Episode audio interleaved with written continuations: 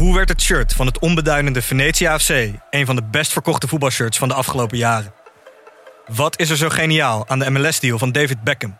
En waarom vinden we het normaal dat jeugdspelers gezien worden als investeringsobjecten? In de podcast Grof Geld onderzoek ik, Sam van Raalte, voetbaljournalist, samen met merkstratege Per van der Brink de macht van geld in de voetbalwereld. Wat gaat er schuil achter de wereld van sport en glamour? En wie profiteert er?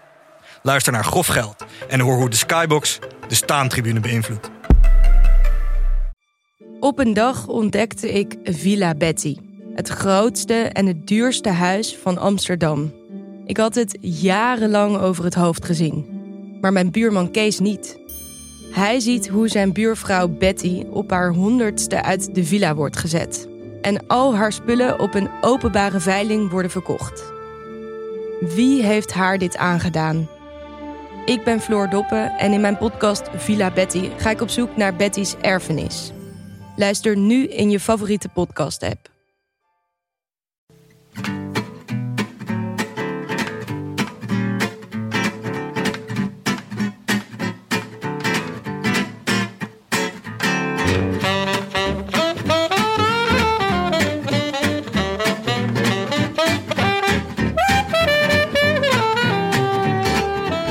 Is zaterdag 1 juli en verdorie, als het niet waar is, de Tour de France 2017 is begonnen. We zitten in de trein terug uit Düsseldorf. Mijn naam is Tim de Gier, tegenover mij zit Willem Dudok. En dit is De Rode Lantaarn, de Tour de France podcast van Het is Koers.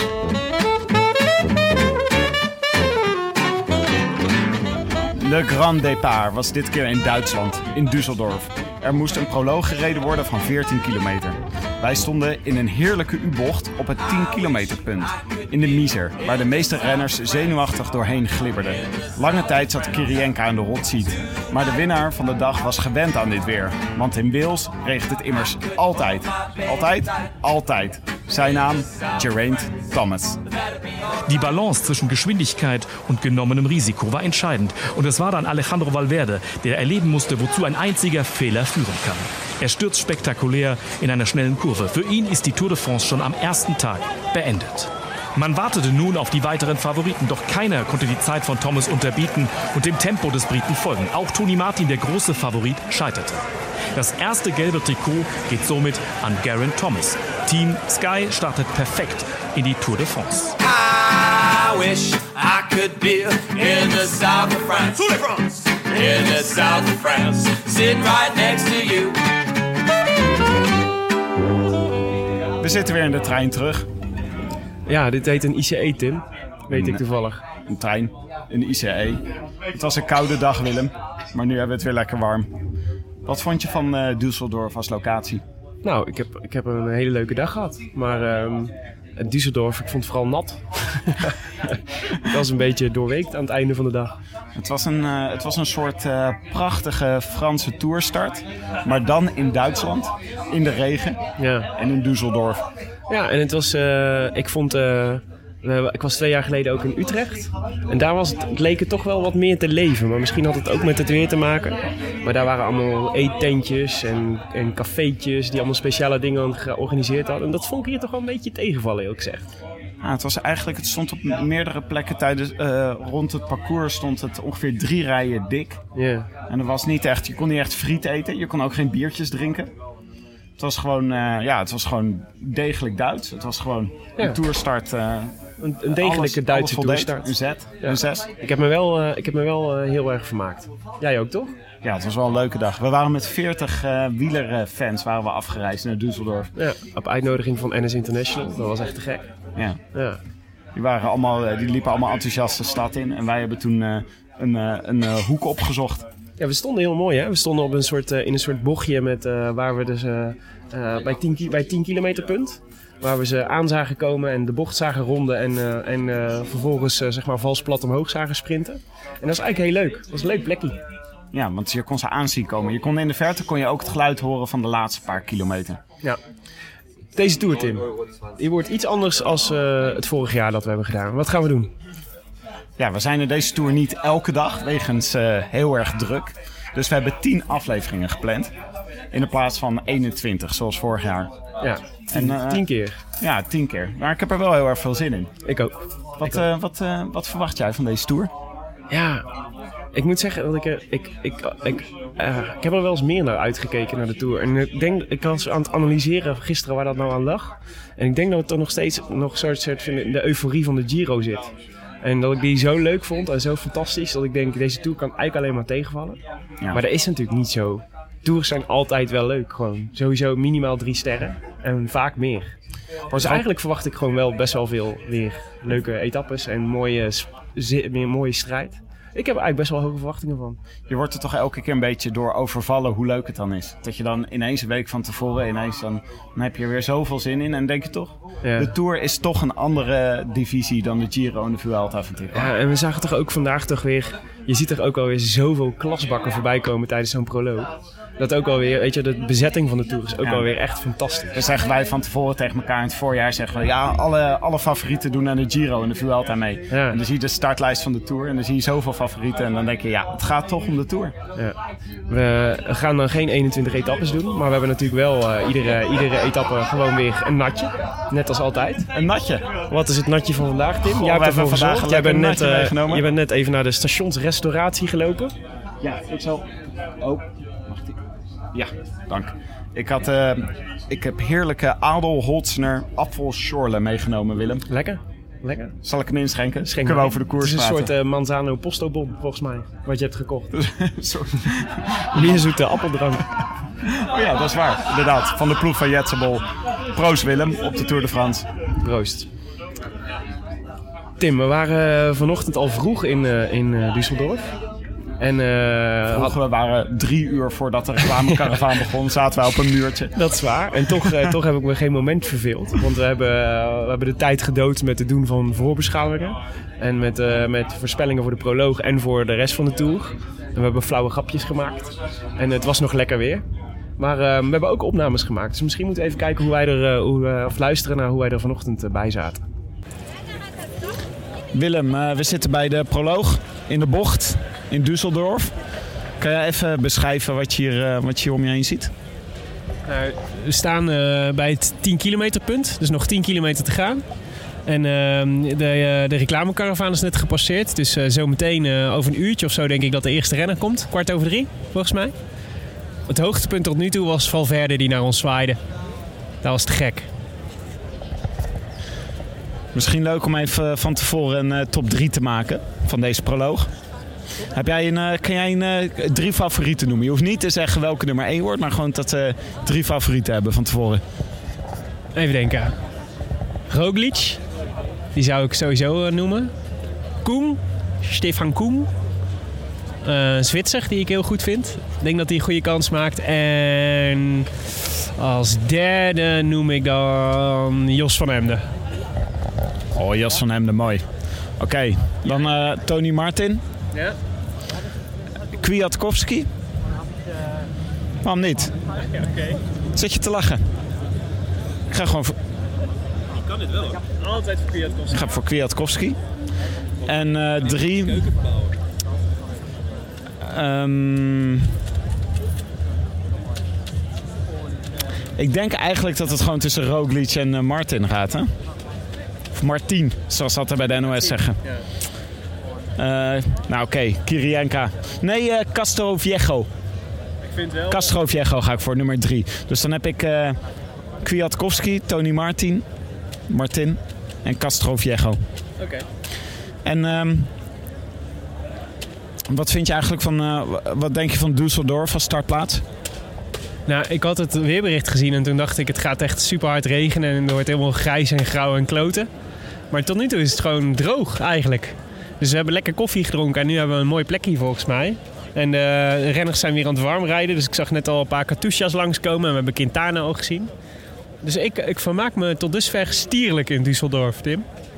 Quintana eh, was wel een beetje rondjes aan het rijden alsof hij wat van plan was, hè? vond je niet? Ja, maar ik, ik heb geen vertrouwen in Quintana deze Tour, Tim. Daar zullen we later uitgebreid op terugkomen. Maar ik zie het niet in Nairo. Is dit een cliffhanger voor de poeptheorie? Nairo, dit is zeker een cliffhanger voor de poeptheorie. Nairo angry. Daar komen we straks op terug. Nee, ik vind het wel opvallend eigenlijk aan, eh, dat het eh, zo'n... eh, het is eigenlijk een heel sober parcours. Want het is niet zo dat er nou zes rijen dik staat. maar het is gewoon drie rijen op belangrijke punten. En geen bier en geen friet en geen braadworsten langs de kant. Nee, dat vind ik wel jammer. Dat vind ik wel echt jammer. We worden een beetje aan ons eh, lot overgelaten. Gelukkig heb ik net een zakje M&M's gekocht. Daar zullen we de hele middag op moeten teren. Ik heb stroopwafels. Ik hoor een paar dingen, Tim. Onder andere dat we gezwaaid hebben naar Valverde. Dat het eh, prachtig weer was. En dat onze favorieten Castro Viejo, Koen, Martin, Roglic, Jos van Emden en Kwiatkowski waren. Nou, Daar moeten we misschien straks allemaal even op terugkomen. dat liep allemaal even Dit anders. is denk ik de eerste keer dat we in de, in de aflevering zelf rectificaties kunnen gaan eh, bespreken. Echt in een recordtijd allemaal in het honderd gelopen. Ja. Maar laten we, laten we zoals altijd bij het begin beginnen. Ja, Sonny Colbrelli. Ja, god. Ik was blij dat het eenmaal begon. Dat je dan ineens Sonny Colbrelli hoort. Dan denk je, ja, nu doet het er echt toe. Ja. Hij was eh, nummer drie volgens mij die van start ging. Ja. En de eerste die iemand inhaalde. Namelijk, weet je nog wie? Oh ja, Nederlander. Wie was het ook weer? Marco Minnaert Oh ja, van Team jouw Wanty. favoriet. Ja. Ja. Marco Minnaert, die, ik al, eh, die eh, voorheen eh, vooral heel succesvol was in de Afrikaanse UCI-tour. Oh ja. Ja, Ja, dat, dan, dan mag je hem zo graag. ik mag hem heel graag. En het, het was eh, eigenlijk het begin. kenmerkte zich een beetje door Colbrelli in de hot seat. Die Ja. echt furieus van start ging. En Nicolaas Arndt Ja, van Sunweb. ja Dus dat was, dat, dat was wel leuk. daar waren die Duitsers was ook echt super niveau. enthousiast over. Alle Duitsers van Sunweb konden echt op, eh, op soort eh, donderend applaus rekenen. Ooit nu Sunweb of ooit Sun- Sunweb. Als het maar Sunweb was, dan was het voor de Duitsers echt heel erg Ja, leuk. een degenkolp vonden ze ook te gek. Ja. En Kittel. En Kittel. Heel veel lawaai voor Kittel. Minder voor Grijpel had ik het gevoel. Minder voor Kruipel, ja. ja. Maar voor Kittel juichen wij ook heel hard, hè. Zo'n mooie man. Hij zag er weer prachtig uit vandaag. zag er en hij is ook weer in vorm. dus Helemaal uh, zongebruind. helemaal op, eh, opgebloeid. Ja, die man gaat En wel... Geske was ook heel populair. Er was ook heel veel eh, lawaai voor Geske. En Burkhardt. Marcus Burkhardt, ja, die was ook heel... Dat was ook... dat stond ik ook van... Of keek ik ook van op. Misschien was het omdat Komt hij niet gewoon uit Düsseldorf, dacht ik later. Oh ja. Oh, dat misschien is het vanwege zijn prachtige naam. Marcus Burkhardt kun je mee aankomen in het, eh in misschien peloton. was het toen al zo lang zo grijs en hadden we zoveel renners van AG, Ja. Deuzer en Covidis gezien dat iedereen gewoon heel blij was dat Marcus Burkhardt voorbij reed. Jij was de enige die juichte voor Perry Kimmeneur. Mijn favoriet. Wat ik ook echt een hoogtepuntje van het begin vond was Nasser Bouhanni. Ja, Die had echt even geen zin hoor vandaag. die had even een dagje vrijgenomen. Die kwam zo langzaam, want wij stonden dus midden in de bocht. Die kwam zo langzaam door de bocht rijden, dat toen hij aan de bocht begon, eh, was eigenlijk het beste er al vanaf. En was het hele publiek al klaar met applaudisseren toen hij de bocht uitkwam. Arme Bouhanni. Ja, Hij ik had dacht, gewoon geen zin. ja, maar ja, de- je denkt toch proloog, weet je wel. Doe die proloog even en dan zit misschien wel de gele eh, trui erin. Bouhanni heeft morgen, moet morgen paraat staan voor de sprint, hè. Dus ik vond het eigenlijk best wel slim. Weet je, als je hem niet... Je moet hem niet half-half rijden. Rij hem dan gewoon zachtjes en spaar dan je krachten voor morgen. Ja, of de ploegleider Kan, van eh, Covidis heeft tegen hem gezegd... hou jij nou maar je hoofd koel, want vorige keer sloeg je iemand in de eerste etappe op zijn bek. Ja, eigenlijk is het al met al heel goed afgelopen met Bouhanni. Want meestal lag hij er nu al uit. Dus dat was een hele goede race. En bovendien, eh, bovendien ken ik nog een andere sprinter die vandaag ook reed... die misschien iets rustiger aan had moeten doen.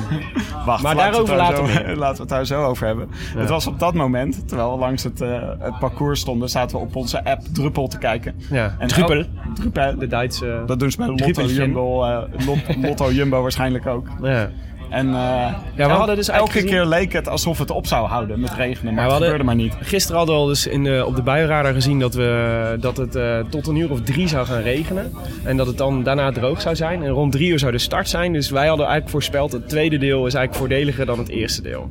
Hè, dus je kunt beter in het tweede deel van het, van, eh, van het deelnemersveld zitten dan het eerste. Want dan heb je de, goeie- de beste kans dat je droog rijdt en dat je op droge asfalt rijdt. Ja. Nou, dan viel even tegen Tim. Het veranderde echt waar je bij stond. Je zag echt Ja, zo dat was de, echt heftig. de regenwolken zag je ineens bij elkaar pakken terwijl het weerbericht zei. Ja. Nou, nou komt het goed en nou wordt het droog. Misschien hadden ploegen zich daar ook wel op ingesteld. Ja, nee, dus, dus wij, we, waren, we zeiden net al dat we met 40 man waren. Er waren onder andere twee jongens die even bij eh, Cannondale waren gaan eh, buurten.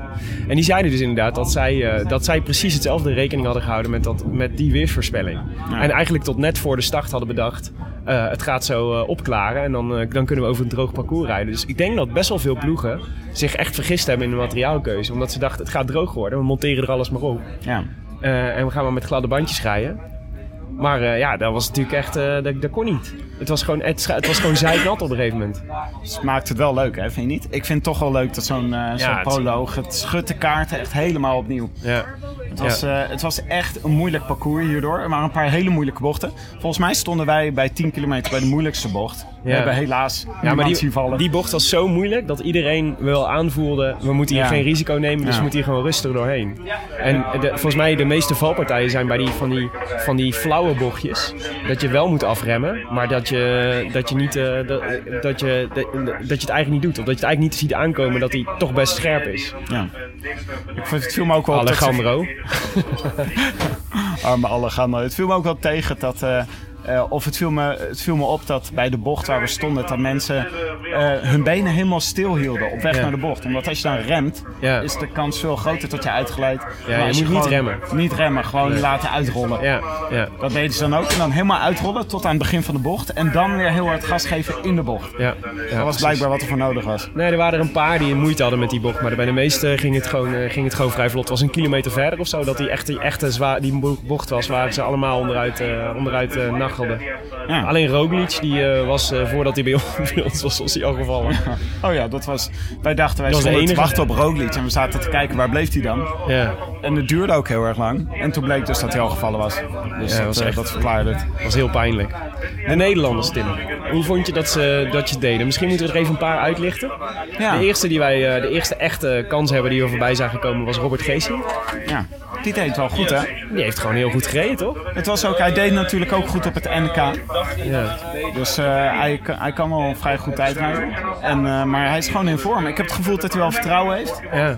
En eh, gewoon goede hij- tijdrit. En dan zei, achteraf zei hij, nou, dan kan ik morgen weer tijd verliezen. Ja, maar denk je echt dat hij dat gaat doen? Ik, ik dacht, waarom probeer je niet gewoon... Volgens mij is het best een parcours voor hem namelijk. Is hij in, in behoorlijke vorm? Staat hij er nu goed voor? Waarom zou je niet gewoon denken, ik ga gewoon mee zolang het kan. En daarna ga, ik, eh, ga ik wel voor de etappenzegers? Nou, Robert Geesink die denkt gewoon... ik heb achterstand nodig in het algemeen klassement... anders laten ze mij niet wegrijden. Ja. Maar dat is bij elke renner is dat een heel goed excuus. Maar bij Robert Geesink denk je... ja, jij eh, laat je gewoon op afstand rijden... en dan krijg je alsnog niks voor elkaar. Dus dan wordt het Ja. in een intrieste situatie. Ik heb wel mijn toolpool, Tim. Pas Ja. op wat je zegt. Oh ja? Ja. Hoezo denk, wat denk je? Wat denk je dat er... zie- Nou, ik heb zie serieus, een eh, goede tour voor hem? Nou, ik heb hem in mijn omdat hij best wel goedkoop was. geef, Ja. geef ik eerlijk toe. En eh, nee, ja, en omdat ik dacht, ik heb... ik had nog 396 punten over in mijn toolpool. En Geesing kostte precies 396. Toen dacht ik, dit is zo'n teken van de sterren. Ja. Dit moet, dit moet ik doen. Kan niet anders. Ah, het is een beetje... Ik, heb wel, ik, ik denk dat dit Geesink deze tour gewoon best wel goed gaat doen. Eerlijk gezegd. En ik gun het hem ook wel. Nou, vandaag, en vandaag stonden eigenlijk onze kaart op Jos van Emden, zijn Ja. ploeggenoot. Na zijn eh, wereldtijdrit in de Giro Ja. dachten we, nou misschien. Maar eigenlijk zagen we ook wel, deze tijdrit is eigenlijk net te kort voor hem. Hè? Dus hij kan net niet, eh, hij kan net niet eh, vol op stoom komen. Maar hij heeft, eh, hij heeft het gewoon goed gedaan. Hij, reed, hij werd zevende. Hij had 9 seconden op het eerste meetpunt. Achterstand. En toen dachten we, nou, hij moet nog het grootste gedeelte. Maar ja, ik weet niet hoe het precies zat toen hoor, met de regen. Misschien begon het ook weer net te regenen bij het tweede gedeelte. Het was zo'n loterij wat dat betreft. Dus hij heeft het eigenlijk gewoon, hij heeft een goed, eh Nou ja, een goede tijd. hij rijdt bij. Lotto Jumbo en is op zijn fiets blijven zitten. Dat is op zich al een prestatie. Wat mij betreft is hij de winnaar van de dag. ja, van Lotto Jumbo zeker. Nou, Mollema? Mollema, prachtige honderdste plek. Ja. Dat zijn we niet gewend al van Bouke. Zo'n proloog. Ik weet eigenlijk helemaal niet hoe die normaal zo'n proloog Ik rijdt. vind het wel tof dat Mollema nu een keer... eh, die gaat een hele andere tour tegemoet. Hij gaat knechten Ja. voor, eh, voor eh, de rest. Dat is toch wel tof? Ja, dat bewijst maar wel, eh, dit bewijst ook wel dat hij gaat knechten. Want normaal, als Mollema gewoon zijn best doet, rijdt hij wel bij de eerste 40. Ook in een proloog, toch? Ja, ja hij reed duidelijk niet om, eh, om een goede tijd te rijden. Ja, maar goed, het was, het, wat me ook opviel, het, wa- het waren wel weinig Nederlanders. Toch? Het waren wij nog. Wij zaten ook op een gegeven moment op, Ja. de, op de startlijst te kijken. En toen Komt er nog één? oh, was dit het? Nee, dat was het. Mollema was het laatste. Die reed niet eens voluit. Ja, en verder was het natuurlijk gewoon, eh, ja, we zeiden het al een beetje, de proloog van de valpartijen. Ja. Er waren er eh, niet eh, heel veel, maar wel serieuze en, en, en, eh, en heftige ook. Het toch, ho- het hoort er ook een beetje bij. Zeker Ja. in de regen, weet je. Het risico is gewoon groot. Ja. En als renners dan risico nemen en vallen, ja, het is gewoon ook de wet van de Tour. Je moet gewoon op je fiets blijven zitten. Nou, laten we dan eh, Dylan Groenwegen maar even eh, bij de horens De vatten. eerste, ja, die kreeg wel echt eh, de totale shine voor zijn valpartij. Ja. Want hij was de eerste die viel. En dat zong ook de hele dag rond, Dylan Groenewegen gevallen. Het grappige was dat we er eigenlijk al weinig vertrouwen in hadden nadat we hem eh, tijdens het inrijden zagen verdwalen op, op het proloogparcours. Hoe zag je dat? Wat zag je er gebeuren dan? Ja, hij, was, hij ging, eh, op een gegeven moment gingen alle Lotto Jumbo's gingen bij ons van het parcours af. Ik weet niet waarom ze dat deden. Misschien omdat die, ze wilden volgens mij die bocht testen die bij ons was.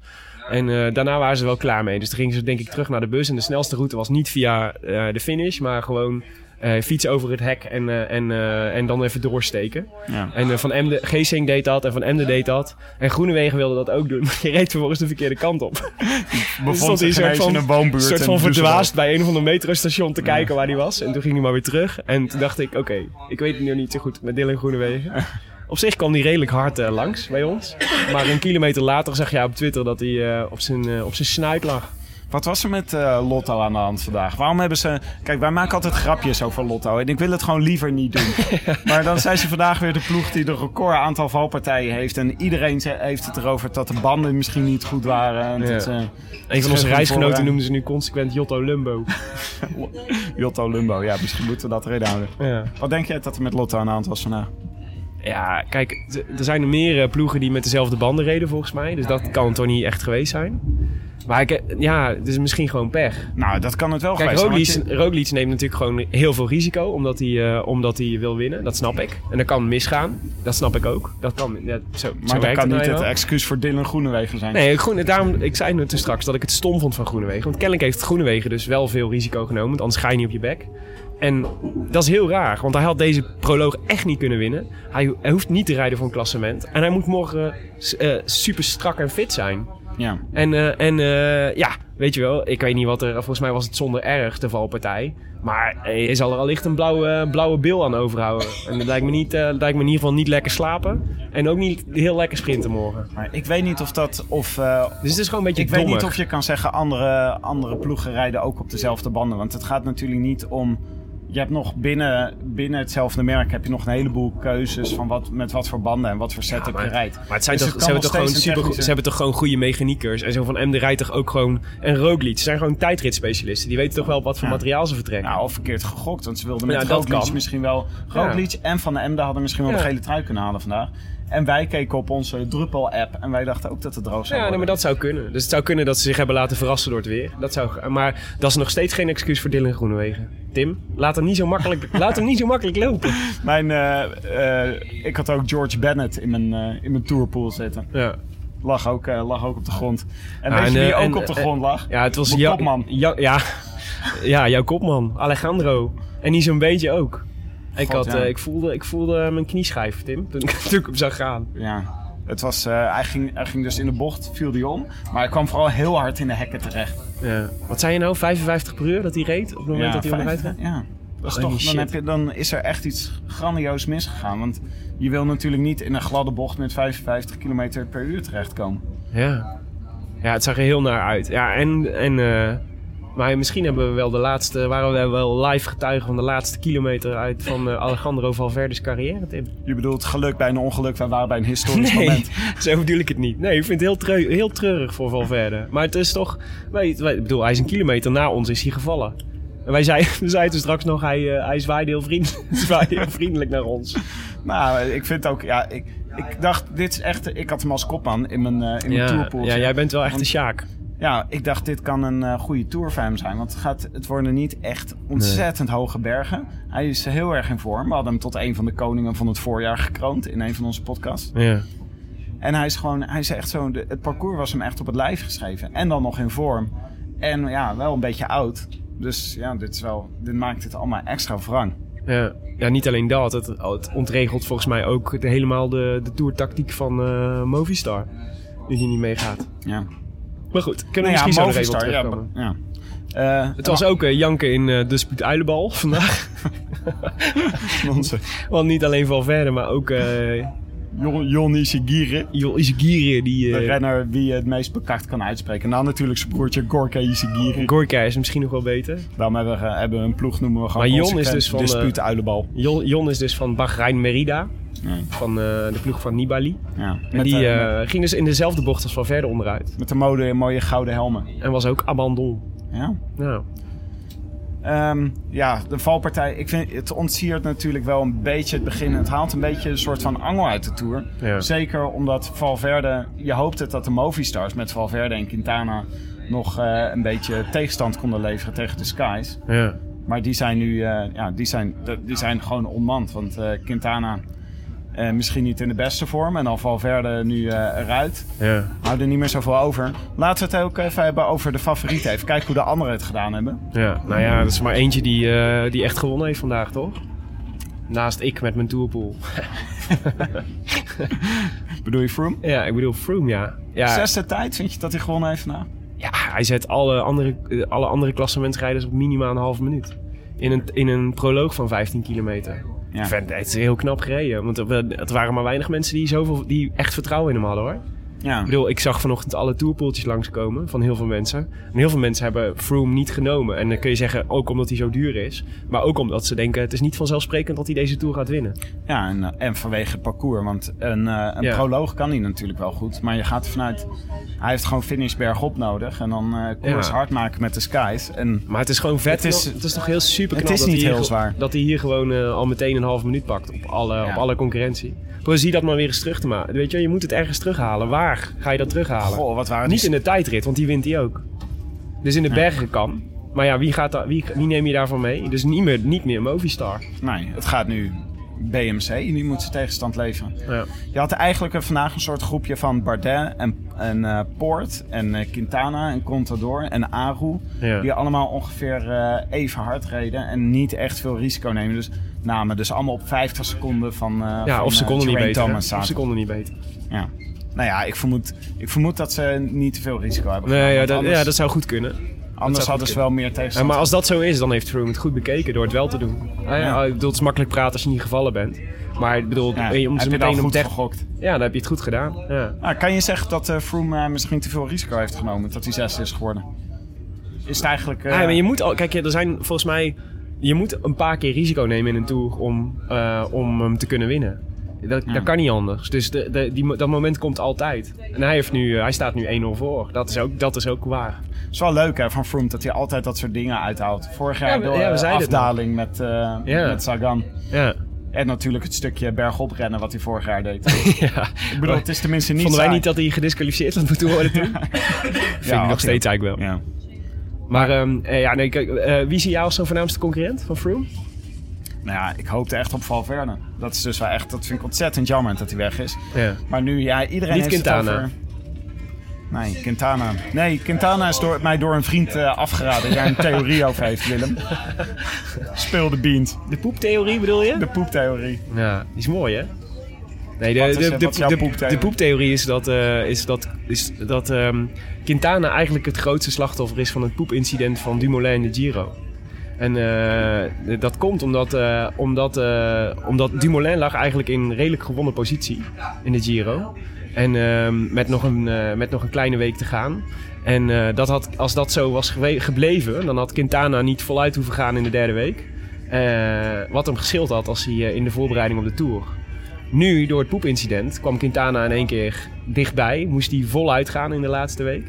En waar het dus leek dat het poepincident Quintana dichter bij de zege in de Giro ging brengen... heeft het hem uiteindelijk verder afgebracht van de zege in de Tour. Dat is de poeptheorie. Wat doe je met je poeptheorie als Quintana de Tour wint? Door, het, door de wc spoelen, Tim. Lekker. ik denk dat nu, eh, nu eh, Movistar een beetje onmand is, dat het op BMC aan gaat komen. Ja, maar die- ja, dat denk ik ook. Maar Met name op Porter, beetje. maar ik vind die ploeg niet zo goed. Ja, ze hebben toch wel een paar. Ze hebben ehm, eh, Van Avermaat, die is natuurlijk die is niet, die is Ja. niet slecht, die kan goed helpen. Ja, maar die gaat toch niet mee als het. Als het als die zit, toch- dat is nu niet een renner die in de derde week van de tour nog eh, kastanjes Ja. uit het vuur kan halen voor Richie Porte. Ja, of die kan toch niet als Froome aangaat. Als, eh, kijk, van Avermaat kun je vooruit sturen, denk ik. Dat zou misschien helpen. Ja. Maar niet, niet iedere dag. En niet. nee, dus BMC is volgens mij niet zo sterk als, als, als de Skytrain. En dat was natuurlijk de, de, de belofte van, van Movistar. Is dat je met Valverde en Quintana heb je eigenlijk twee troeven die je kunt uitspelen. En dan kun je proberen als je Froome isoleert, weet je wel. Zoals vorig jaar een paar keer dreigde te proberen. Toen waren we volgens mij heel kritisch op Movistar omdat ze het uiteindelijk niet deden. Maar als je die twee hebt, dan kun je één voor één kun je gaan en proberen om Froome te isoleren en uit te putten. Ja. Ja, nu is het alleen nog eh, Quintana in wie, wie we toch al geen vertrouwen hadden. Maar dan eigenlijk- denk ik dat eh, mijn, ik zou mijn kaarten zetten op Porter nu als de voornaamste uitdager van, eh van Froome. Ik weet het nooit zo met Poort. Ik hoop het wel, maar hij heeft natuurlijk wel... De Tour is echt zijn pechkoers. Er is altijd Ja. iets wat hem overkomt. En we gaan nog... We gaan veel sprinten. We gaan veel gedrang in het, eh, in het peloton zien. Ja. Dus er zullen wel valpartijen komen. Ja, het wordt billen knijpen voor Richie. Eigenlijk hebben we een soort... de- heeft deze Tour een soort kelderman nodig. Hè? Die even een paar skybots gewoon meeneemt in een valpartij. Ja, misschien moeten we toch even, even een tweetje naar Ramon Sinkeldam sturen. Dat zou de Tour weer leuk maken als er een paar eh Ja. skies wegvallen. ja, maar ja, Bardet misschien nog. Die moeten we misschien nog wel noemen als... als eh, en Aru, die, had jij, die heb jij volgens mij ook nog hoog staan, toch? Die heb ik ook in de pool Vond ik, niet, eh, vind ik niet raar dat je die hoog hebt. Die was natuurlijk in volle voorbereiding voor de Giro en ook best wel in goede vorm. Toen kreeg hij die knieblessure. Maar ja, de vraag is hoe ver hij daarvan hersteld is natuurlijk. Ja. Maar op zich, eh, Astana is wel weer een, eh, ja, zo- zo'n sterk blok als altijd. Ja, Vogel Dus is misschien misschien als, vandaag eh, niet zo goed, hè? Als BMC, Astana en, ehm, en Movistar in staat zijn om samen te werken. Ja. Wat natuurlijk nooit gaat gebeuren. Maar als, dan, hebben ze een, dan maken ze een kans. Maar anders dan, ja, ik zeg toch gewoon weer Froome. Ja. Het ziet er, het, hij staat wel op pole position nu. Ja. Oké. Nou morgen, dag van morgen, laten we daar even naar kijken. Ja, We gaan naar Luik. Van Düsseldorf naar Startplaats in 2012, Een toch? Van de prachtige stad naar prachtige stad. ja. maar ja, het- wat is het? 200 kilometer vlak. Volgens mij is er één eh, pukkeltje in waar ze overheen moeten. Dus daar wordt de eerste bergtrui eh, verloot. Wordt sprinten. Misschien vandaag al wel, ik weet niet. Misschien heeft iemand vandaag al wel de bergtrui. Maar in ieder geval morgen is er een soort eerste bergje. Ja. En ehm, ja, we, we moeten eigenlijk weer even gokken op de winnaar, toch? Even een glazen bolcupje. ja, zoals elk jaar. We gaan, eh, zoals elk jaar, doen we al in de 17 jaar dat we deze podcast maken. Ja. doen we weer. eh, iedereen kent natuurlijk wel de hashtag Glazen Bol Cup. Die wij eh eh, schaamteloos gejat hebben van Thijs Zonneveld. Om te voorspellen wie de winnaar wordt van de etappe van morgen. Ja. Als je daarbij ook de hashtag Rode Lantaarn gebruikt. Dan maak je kans op een exemplaar van de biografie Lucien. Uitroepteken. Ja. Over Lucien van de Impe. Want die hebben we nog over van vorig jaar. Hoe ik als laatste Belg de Tour won. Wel een leuk boek. Zeker. Ja, Ja. Hij is, eh, het is de moeite waard. Dus doe vooral mee. Wie ga jij eh, morgen? Hashtag eh, glazen bolcup, hashtag rode lantaarn. Nou, ehm, goed. Zal ik jou Kittel gunnen? Ik wil Kittel. Ja, dat dacht ik Kittel. wel. Ja. Nee, jij, ja, dus ik denk eigenlijk ook Kittel. Nee, maar dat is flauw. Dat is flauw. Nee, ik wil niet hetzelfde als jij, dus ik zeg de Mare. Want die heb ik ook allebei in mijn tourpool. Ja. Dus dan ben ik sowieso blij als een van die twee wint. Ik had de maar eh, vorig jaar volgens mij met Tourpool. Leverde die heel Nee, weinig toen was hij echt best wel slecht. Ja. Ja. Klopt. Waarom niet... eh, oh ja. Geen groene wegen dus. Nee, geen Vanwege zijn blauwe bil. Eh, ja, waarschijnlijk last van een vliegje in zijn ogen morgen. Ja. Stramme benen, Echt onvoorstelbaar, hè? verkeerde banden. Stel je voor dat hij wint. Dat zou wel te gek zijn. Nou goed. Tim, dit was het weer. De eerste aflevering van de Rode Lantaarn van de Tour de France 2017. Parijs is nog ver, maar we zijn vertrokken. Woensdag zijn we er weer. Dus dat is nog een paar nachtjes slapen. Maar eh, we matigen bewust eventjes met de vlakke etappes. En eh, dan zijn we er bij de eerste bergen. eh, en dan steeds vaker in, de, in de komende drie weken. Tenzij er natuurlijk iets ernstigs gebeurt. Hè? Zoals eh Valverde die valt. Maar dat kan niet meer, want dat is al gebeurd. Dan zijn we er eerder. Eh, Een, nood, eh, een noodaflevering maken we dan. een emergency podcast. Maken we dan. emergency Dan roepen we team bij elkaar en dan, eh, dan, nee, dan zetten we de microfoons aan. Geheime en gaan we. logo in de lucht. Dan weet je precies hoe laat het is. Zo zal het gaan. Ondertussen kunt u natuurlijk wel gewoon een abonnement nemen op de podcast op iTunes. Als u dat nog niet heeft, want nou ja, dat is leuk. Dan krijg je gewoon automatisch alle nieuwe afleveringen in je feed. En ehm, bijvoorbeeld, Laurens ten Dam heeft ook een abonnement op de Rode Lantaarn.